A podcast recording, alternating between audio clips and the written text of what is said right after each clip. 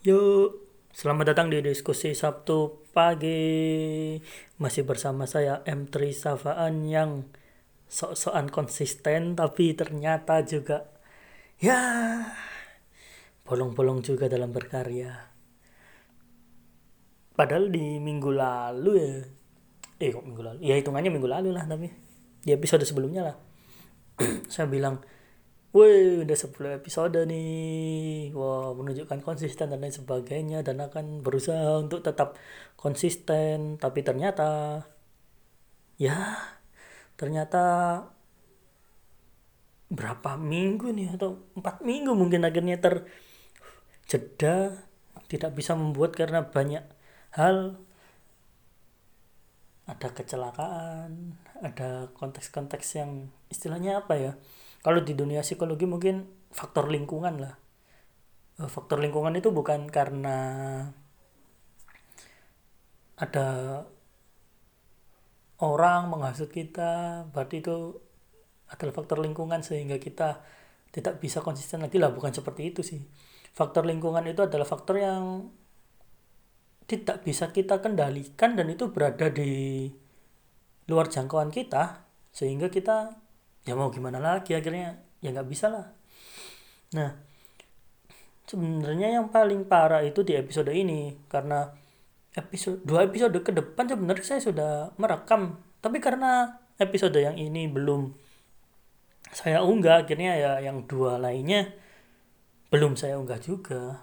Padahal dua episode mendatang cukup menarik ya diskusinya. Dan ini pun sebenarnya pembahasannya tentang puisi, tentang saya judulnya mungkin akan menjadi lomba puisi dan pembacaan puisi alay. Wah. ya seperti itulah.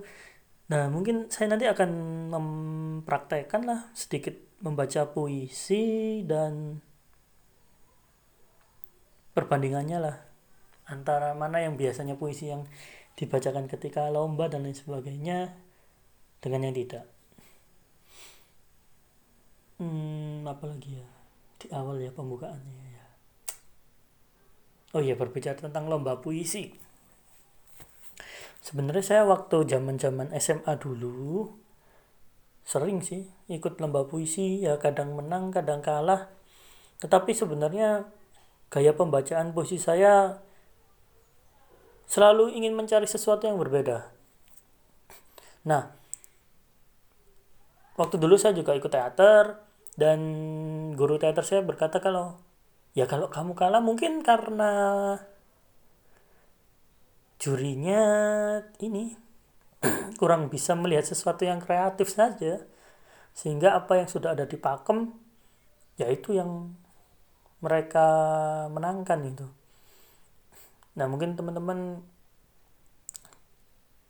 kurang begitu paham apa yang dimaksud yang dipakem tadi ya sebenarnya ini yang ini kenapa saya bilang pembacaan puisi alay karena banyak orang yang mengatakan bahwa membaca puisi misalkan seperti ini. Bulan wahai engkau menyinari. Nadanya seperti itu. Matahari. Wahai engkau nah yang seperti itulah. Tapi kadang beberapa juri malah memenangkan yang seperti itu ketimbang yang cukup inovatif dan kreatif dalam pembacaan puisinya. Itu dan sebenarnya malah apa ya pembacaan puisi yang seperti tadi saya praktekkan yang bisa dibilang apa lebay atau alay tadi sebenarnya itu juga tidak begitu bermasalah karena sebenarnya itu digunakan untuk belajar. Jadi untuk awal belajar puisi mungkin agar pembacaannya tidak datar, akhirnya diberikanlah nada-nada yang seperti itu. Bulan. Ya seperti itulah.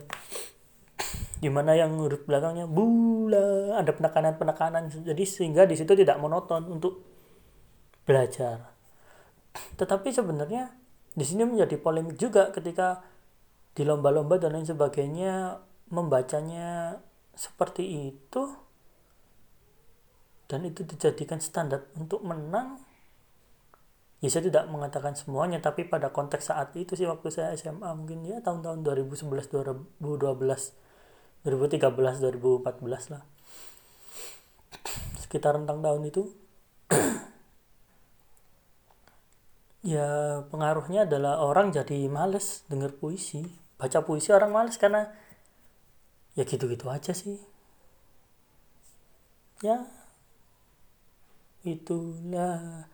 Dan sebenarnya di pembahasan kali ini saya ingin ya coba aja lah membandingkan aja baca puisi yang dengan nada yang seperti itu tadi dengan membaca puisi yang tidak seperti tadi itu bahasanya apa ya? Cuman ini memang kondisinya saya sedang sakit di tenggorokan dan juga karena suatu lingkungan tertentu.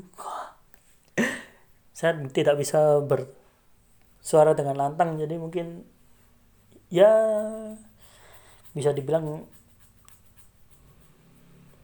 tidak maksimal atau seadanya lah baca puisinya. Yang penting poin perbedaannya bisa tersampaikan. Oke.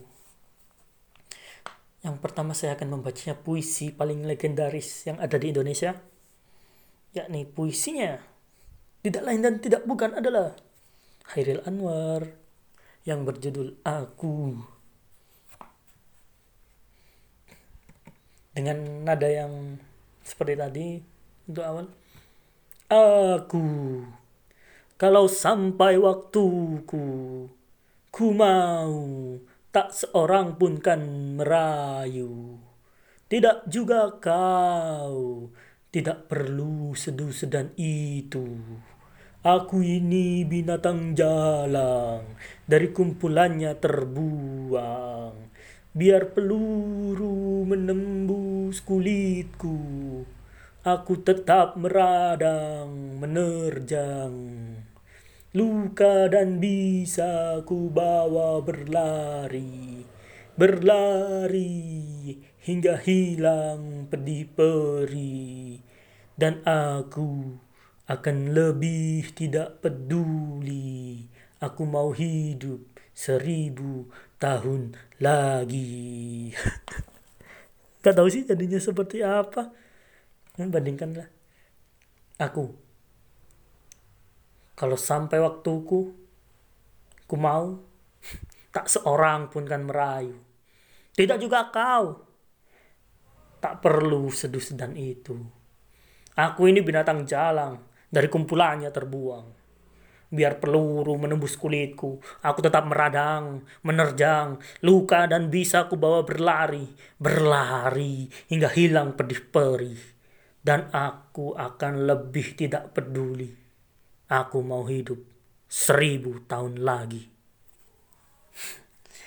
ya itu dua satu puisi sih dengan dua gaya pembacaan yang berbeda terserah sih lebih suka yang mana cuman kalau konteksnya kan puisi ini kalau di bukunya Hairil yang aku binatang jalang itu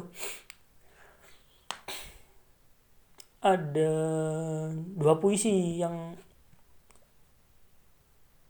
seperti ini. Satunya judulnya aku seperti yang saya bacakan tadi. Satunya judulnya semangat dan itu ya sama itu secara ada perbedaan-perbedaan sedikit saja lah di isinya. Tapi kurang lebih sama. Nah judulnya semangat karena memang tujuannya puisi ini memberikan semangat lah dari yang satu ta dua gaya pembacaan tadi mana yang bisa memberikan semangat? Apakah yang aku kalau sampai waktuku ku mau tak seorang pun kan merayu tidak juga kau. Tak perlu sedan itu. Aku ini binatang jalang dari kumpulannya terbuang. Atau yang aku kalau sampai waktuku ku mau tak seorang pun kan merayu. Tidak juga kau. Nah, terserah sih dipilih. Sebenarnya enak yang mana untuk di yang lebih memberikan semangat di situ. Puisi yang ini eh cukup menarik sih sebenarnya puisi aku ini. Dan dibahas juga nggak ya? Ah oke lah dibahas sedikit. Dulu sebenarnya puisi ini lahir tahun kalau di sini ya catatan kakinya Maret 1943 pokoknya tahun-tahun 1943 kan fase-fase peralihan di mana dari Belanda ke Jepang. Nah dari situ banyak para seniman yang akhirnya bergabung dengan lembaga kesenian milik orang Jepang. Dan Hairil Anwar ini dengan beberapa temannya itu menolak hal ini. Jadi mereka menolak bergabung dengan lembaga milik yang didirikan oleh orang Jepang ini dan dia ingin bebas dari kungkungan apa pun. Karena kalau misalkan berada di lembaga milik Jepang pastinya nanti akan ada nilai-nilai dari Jepang dan lain sebagainya yang itu akan diberikan ke apa ya pesanan lah pesanan dari Jepang untuk dalam hal kesenian kebudayaan. Nah Hairil menolak hal itu dan menyatakan dengan salah satunya dengan puisinya yang berjudul Aku ini. Aku. Nah, menunjukkan kedirian bahwasanya dia adalah orang yang merdeka yang yowis ya lah maksudnya luka dan bisa ke bawah berlari biar peluru menembus kulitku aku tetap meradang menerjang jadi di sini yes tetap anu apa ya bahasanya walaupun hidup tidak enak walaupun lebih mapan yang ikut orang-orang Jepang tapi dia menolak hal itu. Dan puisi ini pertama kali disampaikan juga di depannya orang-orang yang ikut Jepang tadi.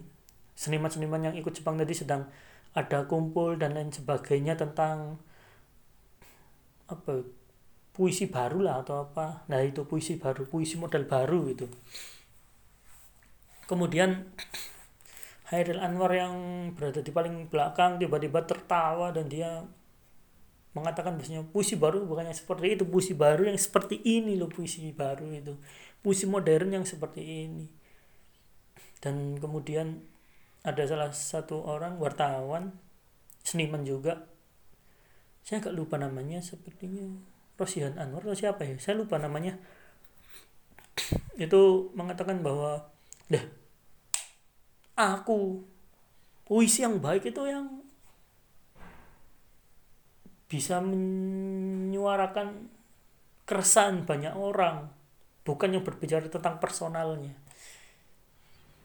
Yang bisa merefleksikan sosial lah istilahnya kondisi lingkungan masyarakat dan lain sebagainya. Dan kemudian dijawab dengan Hairil bahwa puisi aku ini adalah bentuk keresahan pribadiku memang sebagai manusia yang ingin bebas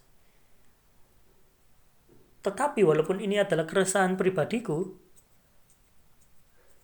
banyak orang juga yang ingin merasakan kebebasan seperti yang aku miliki sehingga kebebasan pada diriku ini menjadi refleksi gambaran kebebasan punya banyak orang karena juga banyak orang yang merasakan hal yang sama denganku. Wow, itu puisi aku yang semangat melawan untuk mencari kebebasan.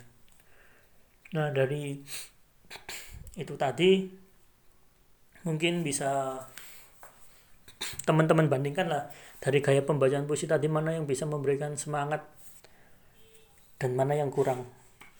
Ya itu puisi pertama lanjutlah biar sampai 30 menit lebih musik legendaris dari W.S. Rendra sejak sebatang lisong menghisap sebatang lisong melihat Indonesia Raya mendengar 130 aduh ulang-ulang.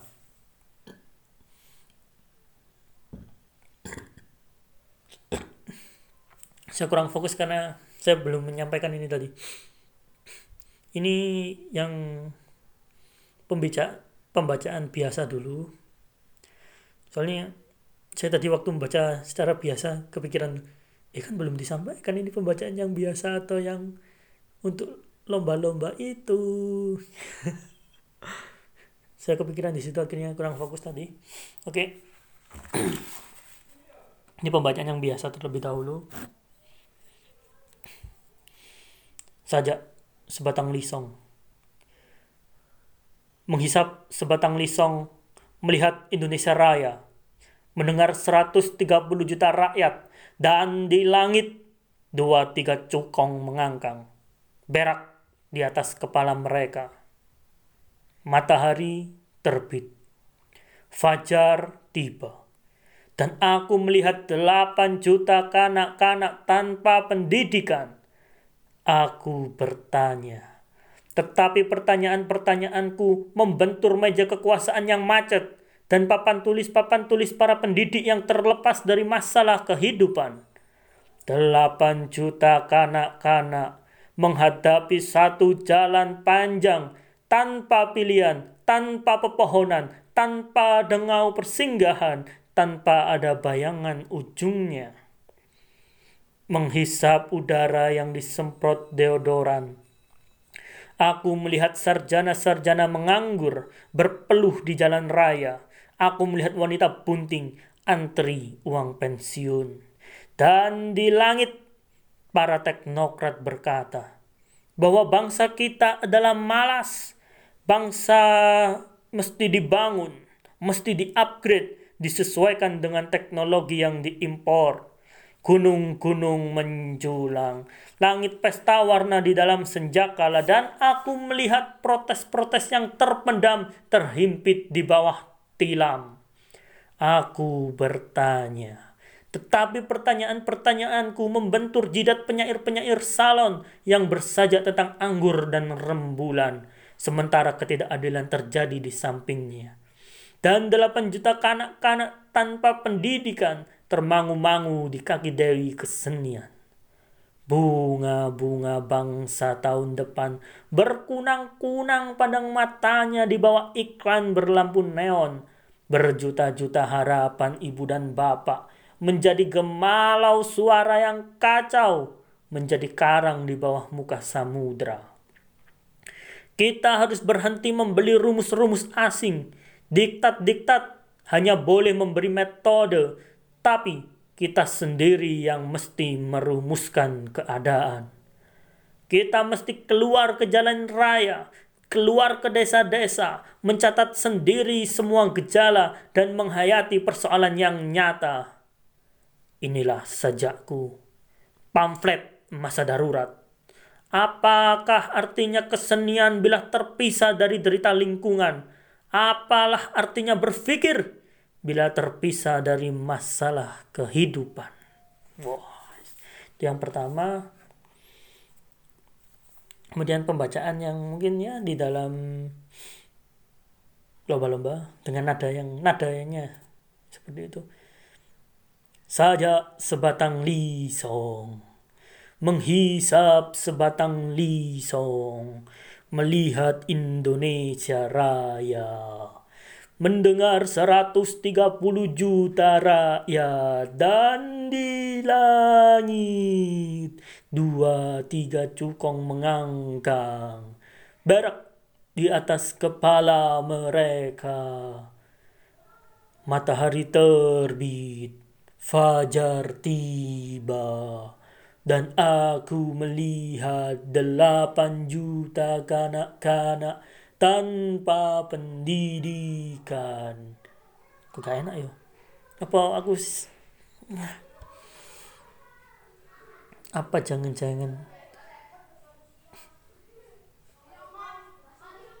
apa ya feelnya kurang berasa sih sehingga atau mungkin jangan-jangan saya sudah lupa bagaimana nada lomba itu ya bulan. Iya ya ya mungkin langsung aja lah saya soroti.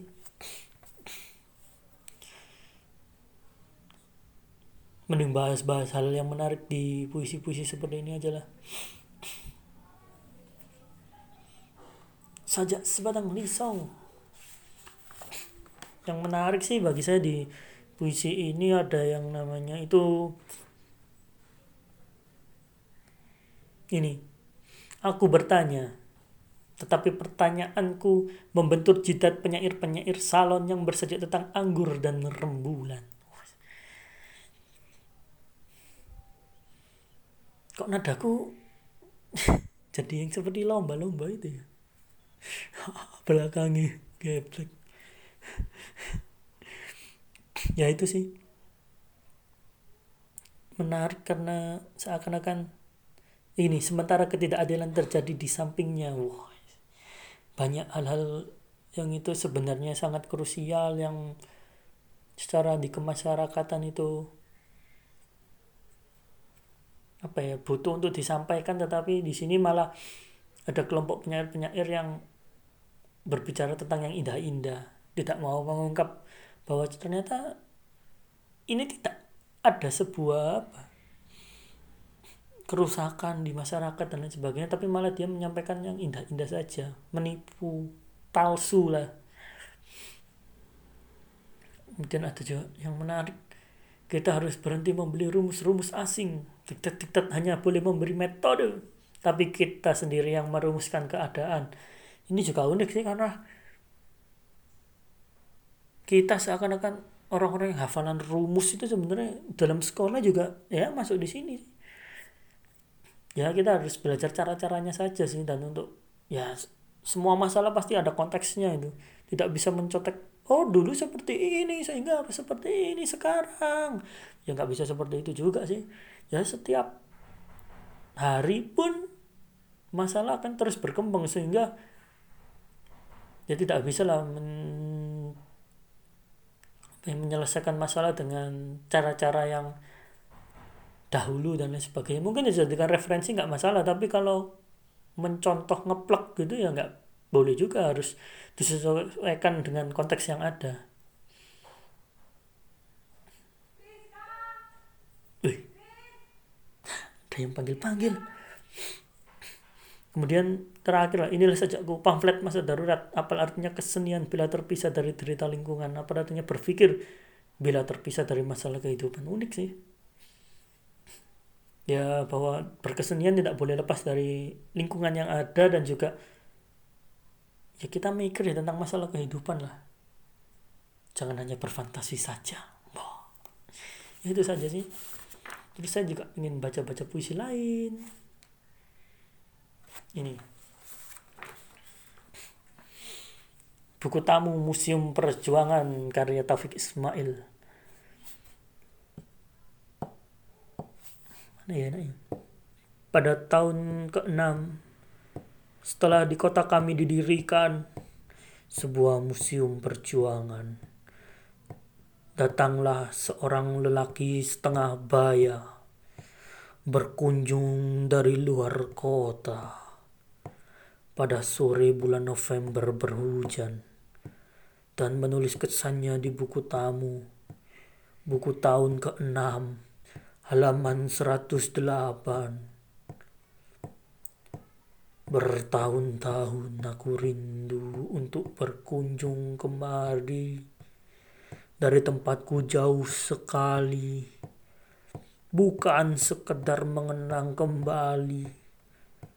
Hari tembak menembak dan malam penyergapan di daerah ini bukan sekedar menatap lukisan-lukisan dan potret-potret para pahlawan, mengusap-ngusap karaben tua, baby mortir buatan sendiri, atau menghitung-hitung satya lencana dan selalu mempercakapkannya. Alangkah sukarnya bagiku dari tempatku kini yang begitu jauh untuk datang seperti saat ini dengan jasad berbahasa-bahasa dalam gerimis bulan November. Datang sore ini menghayati museum yang lengang sendiri. Menghidupkan diriku kembali dalam pikiran-pikiran waktu gerilya, di waktu kebebasan adalah impian keabadian dan belum berpikir oleh kita masalah kebendaan, penggelapan, dan salah guna pengatasnamaan. Begitulah aku berjalan pelan-pelan dalam museum ini yang lengang dari lemari kaca tempat naskah-naskah berharga, kesangkutan ikat-ikat kepala, sangkur-sangkur berbendera, maket pertempuran, dan penyergapan di jalan kuraba mitra liur Jepang dari baja hitam, jajaran bisu pistol bulldog pistol kot pengumuman republik yang mulai berdebu, gambar laskar yang kurus-kurus, dan ku beri khidmat dan diam pada gambar Pak German. Mendekati tangga turun, aku menoleh kembali ke ruangan yang sepi dan dalam. Jendela museum dipukul angin dan hujan, kain pintu dan tingkap bergetaran di pucuk-pucuk cemara halaman. Tahun demi tahun mengalir pelan-pelan Teruk konvoi menjalari lembah, regu di atas bukit menahan nafas di depan tugu dalam museum ini menjelang pintu keluar ke tingkat bawah. Aku berdiri dan menatap nama-nama di pahat di sana dalam keping-keping aluminium. Mereka yang telah tewas dalam peperangan kemerdekaan dan setinggi puncak jendela ku baca namaku di sana. Uh. Saya juga kepikiran sih bakal baca puisi-puisinya Taufik Ismail yang seperti ini. Karena unik kekhasan cerita dan lain sebagainya.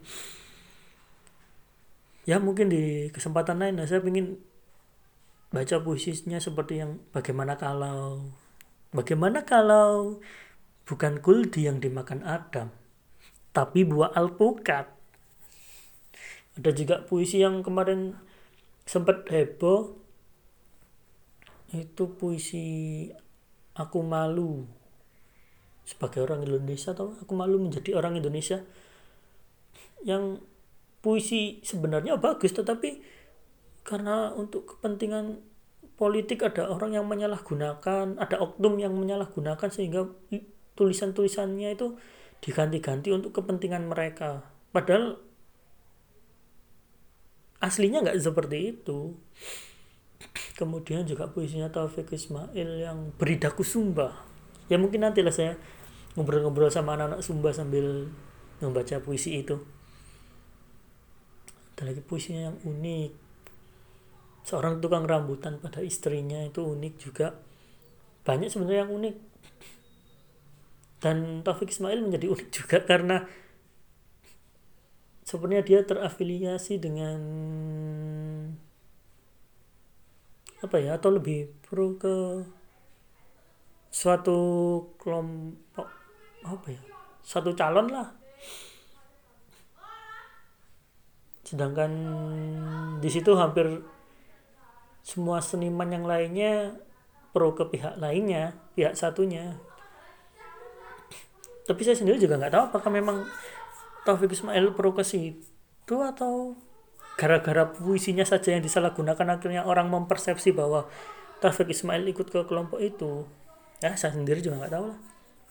Urusan politik. Ah, jangan ngomong politik lah. Berat. Kamu gak akan kuat biar aku saja. Asem Dilan melok-melok Dilan kafe berat. Ya itulah. Pembacaan-pembacaan puisi. Hmm, ya ada puisi saya juga sih. Kangen baca puisi-puisi lama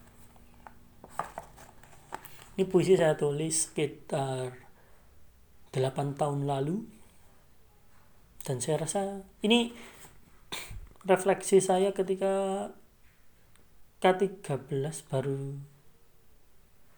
mulai akan diterapkan lah sepertinya ini. Atau baru diterapkan ya. Saya kurang paham. Pokoknya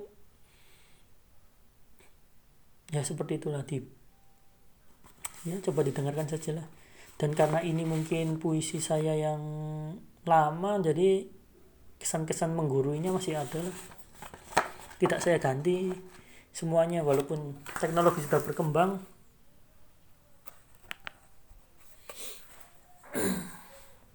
Pokoknya ini yang real. Tidak saya ganti satu kata pun.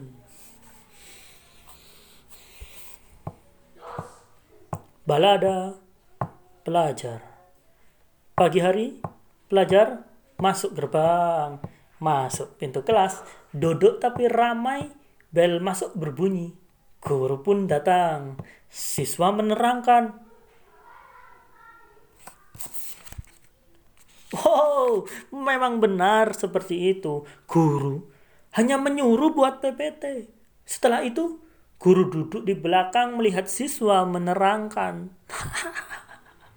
Tapi tapi uh, lebih baik seperti itu daripada guru pun datang siswa mulai diam guru menerangkan pikiran ke mana-mana pelajar ngantuk pengen tidur Bel istirahat berbunyi. Semua muka sumringah. Makan di kantin kenyangkan perut. Bel masuk mulai berbunyi. Pelajar masuk kelas dengan muka ngantuk.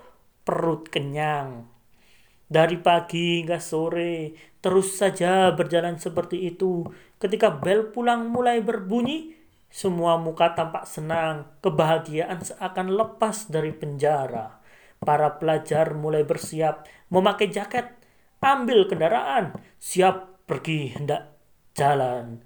Entah dengan teman, entah dengan pacar, yang penting jalan hilangkan stres setelah tadi masuk kelas dengan paksaan entah petang, entah malam, pelajar pulang ke rumah, ada orang tua yang marah, ada orang tua yang hanya diam, ada pula orang tua yang dibohongi, jalan-jalan bilangnya kerja kelompok. Para pelajar mulai capek, di rumah pun malas belajar, malah sibuk pegang HP, SMS-an, buka laptop, malah Facebookan dan Twitteran.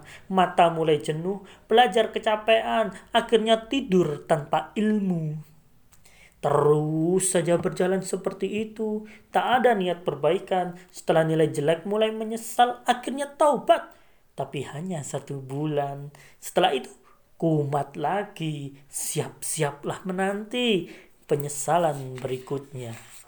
Hati-hati pelajar, siapkan masa depan. Yang enak memang susah, tapi jalani dengan gembira Belajar bukan sampingan, belajar itu kewajiban pelajar.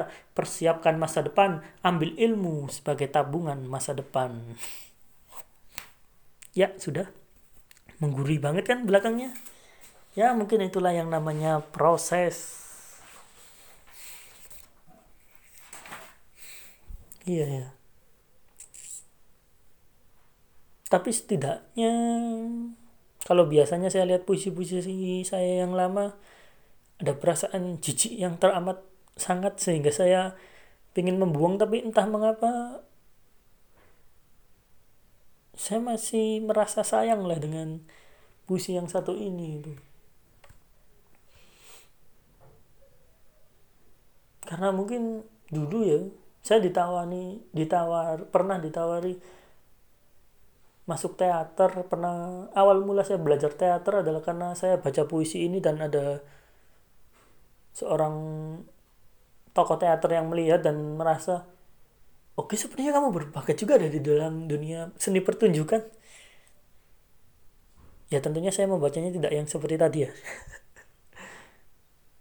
Lebih ekspresif sih sebenarnya waktu dulu saya membaca karena dengan posisi yang berdiri dengan segala kostum dan lain sebagainya.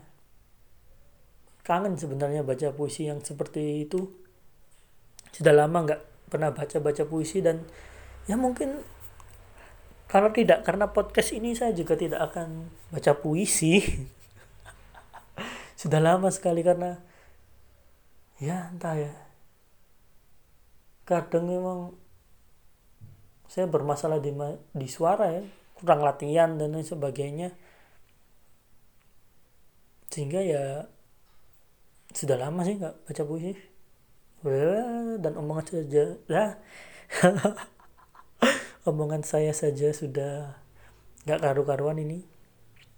Padahal baru baca puisi ya. Empat puisi lah ya.